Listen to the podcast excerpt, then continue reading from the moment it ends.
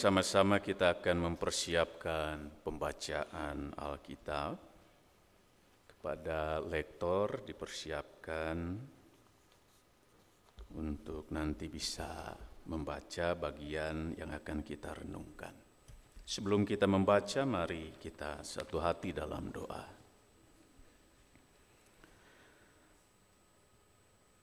Allah Bapa, Anak dan Roh Kudus, kami bersyukur karena hari ini juga kami boleh mengalami perjumpaan dengan Tuhan dalam kebaktian minggu. Kiranya perjumpaan setiap kami dengan Engkau itu mengubahkan kehidupan kami menjadi lebih baik, lebih berarti dalam berbagai hal.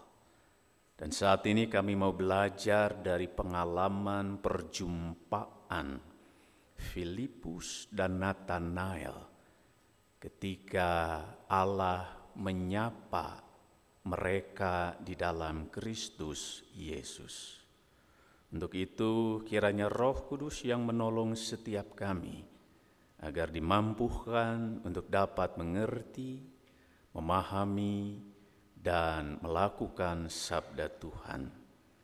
Hambamu yang akan menyampaikan kiranya ditolong oleh roh kudus sehingga setiap pesan sabda Tuhan boleh tersampaikan seturut dengan kehendakmu.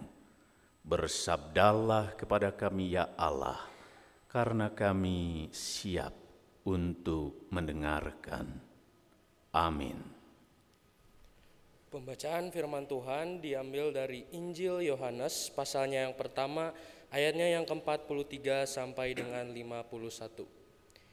Injil Yohanes pasalnya yang pertama ayatnya yang ke-43 sampai dengan 51. Demikian bunyinya. Keesokan harinya Yesus memutuskan untuk berangkat ke Galilea.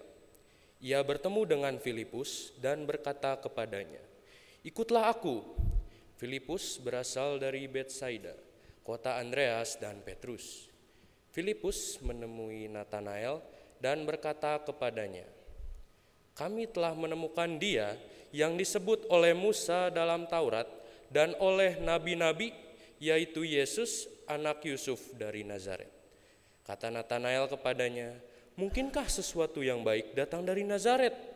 Kata Filipus kepadanya, Mari dan lihatlah. Yesus melihat Nathanael datang kepadanya, lalu berkata tentang dia, Lihat, inilah seorang Israel sejati, tidak ada kepalsuan di dalamnya. Kata Nathanael kepadanya, Bagaimana engkau mengenal aku? Jawab Yesus kepadanya, Sebelum Filipus memanggil engkau, aku telah melihat engkau di bawah pohon ara. Kata Nathanael kepadanya, Rabi, engkau anak Allah, engkau raja orang Israel. Yesus berkata, Apakah karena aku berkata kepadamu, aku melihat engkau di bawah pohon ara, maka engkau percaya? Engkau akan melihat hal-hal yang lebih besar daripada itu. Lalu kata Yesus kepadanya, Sesungguhnya aku berkata kepadamu, kamu akan melihat langit terbuka dan malaikat-malaikat Allah naik turun pada anak manusia. Demikianlah sabda Tuhan, Berbahagialah setiap orang yang mendengar, memelihara, dan melakukan dalam hidupnya. Haleluya! Haleluya!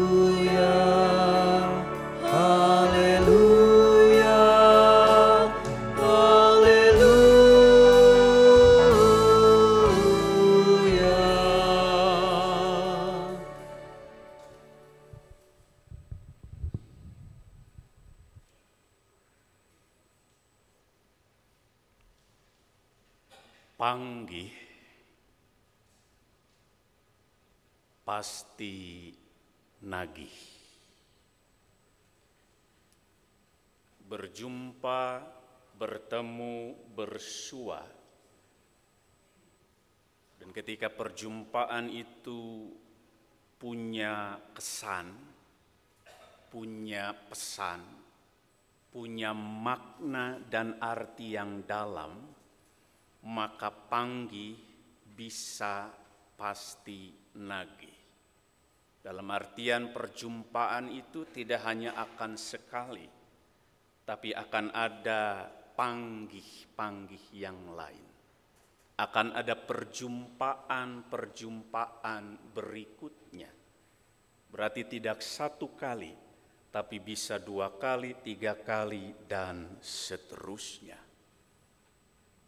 Perjumpaan pertama jelas ketika ada perjumpaan berikutnya pastilah punya makna yang dalam.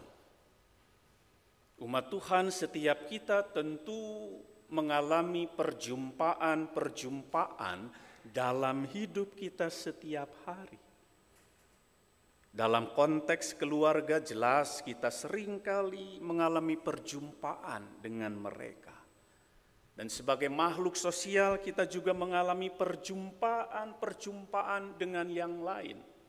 Dalam perjalanan, di tempat kerja, di tempat kuliah, di gereja, dalam konteks pelayanan, dan di berbagai Persoalannya apakah perjumpaan yang terjadi itu kemudian punya kesan kuat? Apakah perjumpaan yang kerap terjadi itu memberi makna? Tidak selalu dan belum tentu. Bisa saja ketika kita berjumpa dengan seseorang, maka kesan pertama itu sudah negatif, sehingga tentu kita enggan mengalami perjumpaan-perjumpaan berikutnya. Tetapi bisa juga ketika kita berjumpa dengan seseorang, lalu ada kesan yang dalam, ada ketertarikan, sehingga kita mau Bahkan mungkin kita merencanakan untuk bisa berjumpa lagi dengan seseorang yang memberi kesan tadi. Kalau seorang anak muda mengalami perjumpaan dengan gebetan, pasti perjumpaan itu punya daya pelet. Sehingga pengennya apa? Mepet gitu ya bawaannya kangen, bawaannya sono, bawaannya pingin berjumpa lagi. Nah hari ini kita melihat perjumpaan Yesus dengan Filipus dan juga dengan Nathanael. Rupa-rupanya yang terjadi adalah bukan perjumpaan biasa tetapi sebuah perjumpaan yang punya dampak luar biasa. Sebuah perjumpaan yang punya daya ubah, daya dorong, daya dobrak untuk kemudian Filipus dan Nathanael menjadi murid Yesus dan mengabdikan, membaktikan kehidupan mereka untuk mewartakan kerajaan Allah. Untuk mewartakan siapa itu Kristus Yesus. Karena itu perjumpaan yang terjadi jelas punya pengaruh yang luar biasa. Ketika Yesus memutuskan untuk berangkat ke Galilea, ia bertemu dengan Filipus. Ikutlah. Catatan Alkitab kita tidak menulis secara rinci, tetapi yang pasti Filipus tanpa menolak, tanpa beralasan, tanpa basa-basi, tanpa mengemukakan keberatan-keberatan, Filipus mengikut Yesus.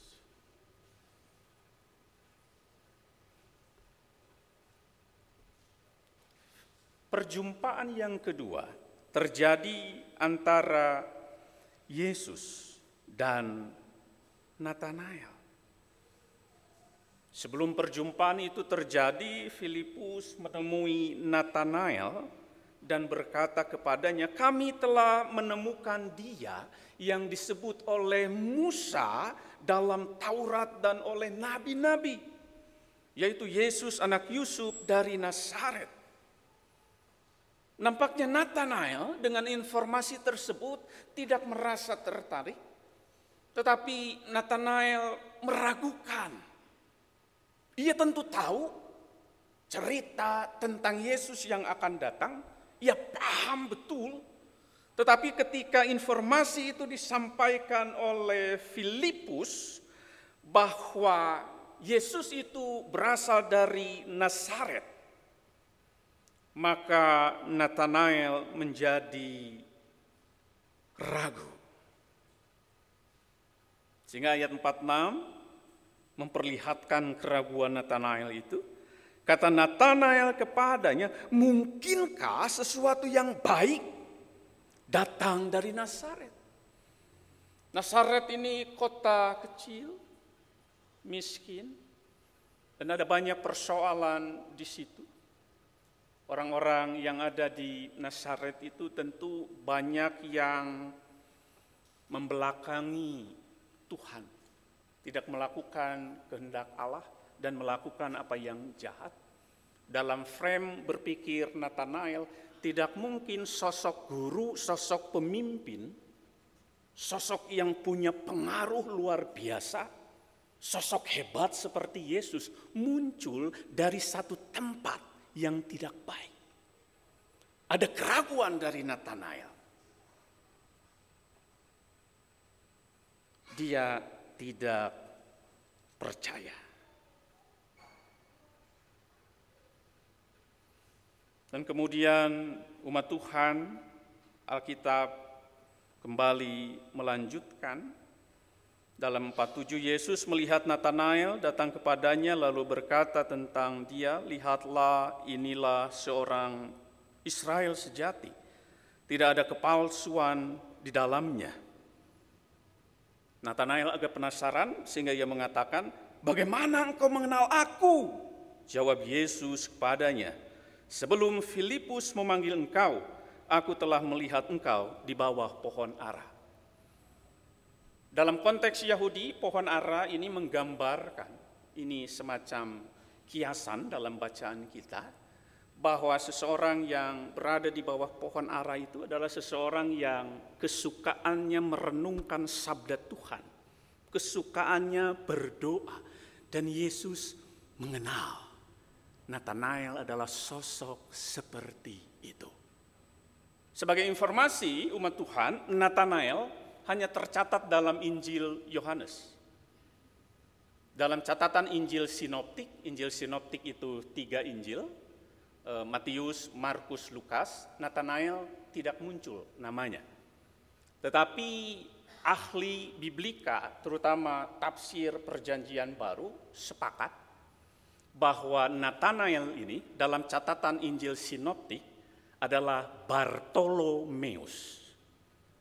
Sehingga dia menjadi juga bagian dari para murid. Nah, lalu apa yang terjadi setelah perjumpaan itu?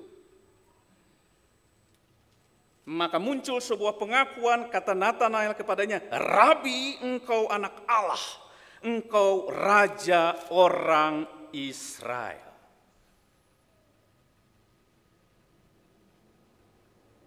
Nathanael yang tadinya ragu menjadi percaya ketika ia melihat sebuah fakta bahwa Yesus mengenal dia.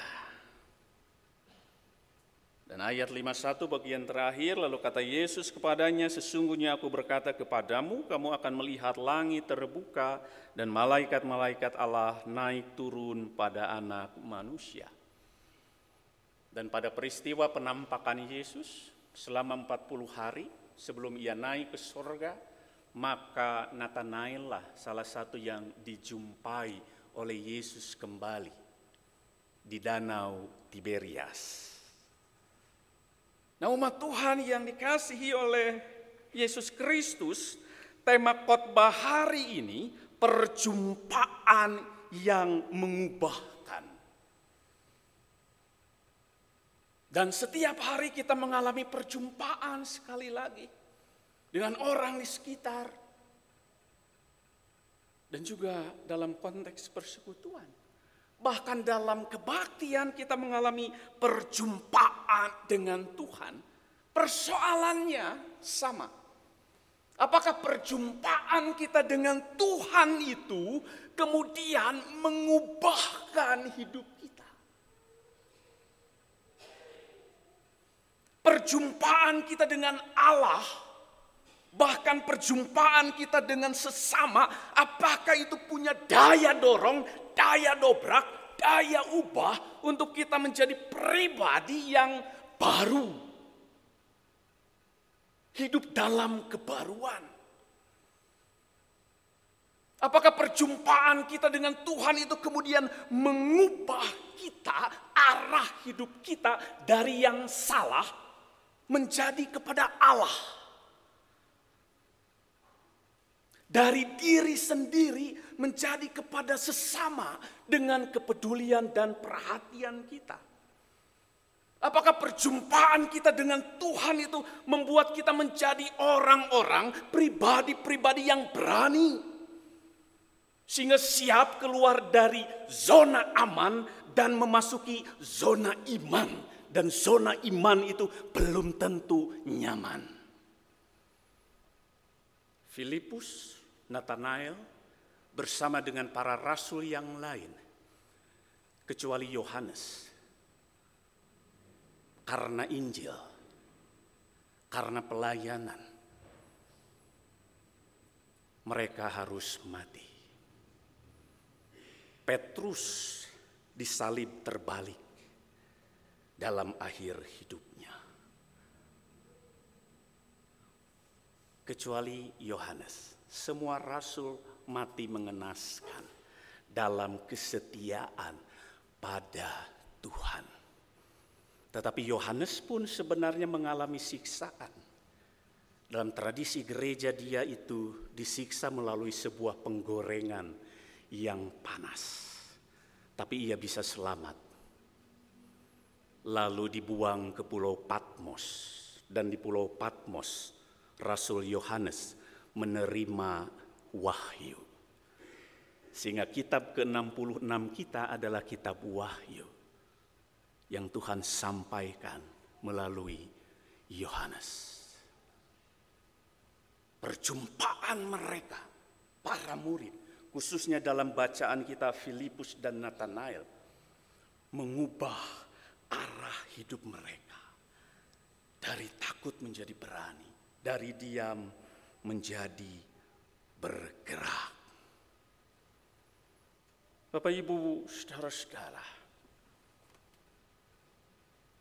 perjumpaan kita dengan Tuhan memang seharusnya mengubah hidup kita. Kalau kita melihat PKJ 200, itu ada sebuah lagu yang menurut saya indah. Ku diubahnya saat ku berserah, berserah kepada Yesus.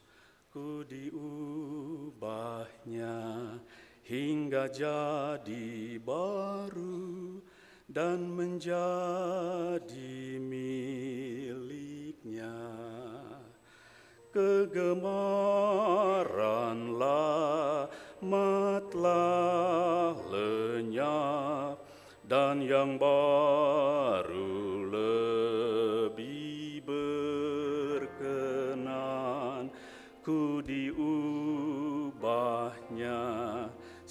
saat ku berserah dan menjadi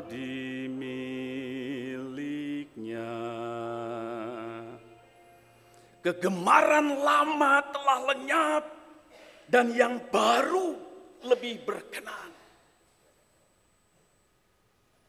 Karena itu pertanyaan penting, kalau kita sering ke gereja, kita sering mendengar sabda Tuhan, puasa kita lakukan, doa kita lakukan, baca Alkitab kita lakukan, persoalannya perubahan apa yang kita hadirkan, yang kita munculkan.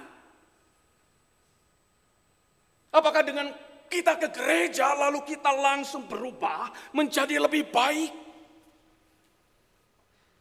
Sehingga kebencian yang kerap ada itu diganti dengan cinta kasih. Kesombongan diganti dengan kerendahan hati. Iri dengki diganti dengan kebaikan. Atau jangan-jangan kita menjadi orang-orang yang sibuk dengan ritual, mengalami perjumpaan dengan Tuhan dalam ibadah-ibadah di gereja, tapi hidup kita tidak pernah punya faedah. Tapi kehidupan kita tetaplah lama. Maka berarti kita belum mengalami yang namanya panggih pasti nagih. Perjumpaan yang diikuti dengan perjumpaan yang lain yang mengubahkan. Karena itu ada tiga perenungan bagi kita. Sesuai dengan tema kita hari ini, perjumpaan yang mengubahkan, maka yang pertama kita diingatkan Orang yang mengalami perjumpaan yang mengubahkan adalah orang yang taat dina nyembah. Filipus, Nathanael punya ketaatan kesetiaan dalam menyembah Yesus sebagai Tuhan dan Juru Selamat. Bukan hanya dalam menyembah tetapi dalam mengikuti Yesus. Dalam lembah kekelaman mereka siap. Dalam sengsara, dalam bahaya mereka hadapi sekalipun mereka harus mati. Dan kata-kata Rasul Paulus sebelum dia mati itu sangat indah. Aku siap. Tapi aku tidak layak kalau aku disalibkan seperti Tuhan Allahku Yesus. Maka tolonglah salibkan aku dengan salib terbalik. Berarti salib ini dibalik posisi kepala di bawah. Itulah hidup yang diubahkan. Petrus yang tadinya menyangkal, Nathanael yang tadinya ragu bahwa Yesus berasal dari Nazaret. Filipus yang tadinya orang biasa kemudian merespon perjumpaan dengan perubahan kehidupannya taat dina nyembah. Yang kedua, iman anu hente obah. Obah itu berarti berubah. Kita diajak untuk memiliki iman yang tidak obah. Berarti tidak goyah, tak mudah tergoncang, tidak mudah bergeser, tidak mudah tergoda, tidak menjadi pribadi yang kemudian begitu mudahnya menjual, menggadaikan iman pada Kristus Yesus demi harta tahta wanita pria. Tetapi justru menjadi pribadi-pribadi yang setia memiliki iman yang kuat, melekat dan dekat. Dan itu ciri orang yang mengalami perjumpaan yang berdampak dalam hidupnya. Yang ketiga, ini mungkin sederhana dan ini pasti sering kita dengar, tetapi dalam prakteknya kerap kali kita enggan. Orang yang mengalami perjumpaan adalah orang yang hirupna no bisa jadi berkah. Jadi berkah berarti bagerna nambah, nyaahna nambah, gawena henteu tapi bisa manfaat karasa katampa. Dalam bahasa filosofi Sunda berarti itu menggambarkan orang yang hirup, bari hirup. Hidupnya yang membawa kemanfaatan bagi banyak orang. Yesus kehidupannya diberikan bagi manusia. Ada perhatian, kasih sayang, cinta kasih yang Yesus terus bagikan. Karena itu seharusnya kalau kita mengakui aku mengalami perjumpaan dengan Tuhan setiap hari. Maka perjumpaan itu nyatakan dengan kepedulian kita pada sesama. Jadilah berkah, ulah, mubah dalam hidup kita. Amin.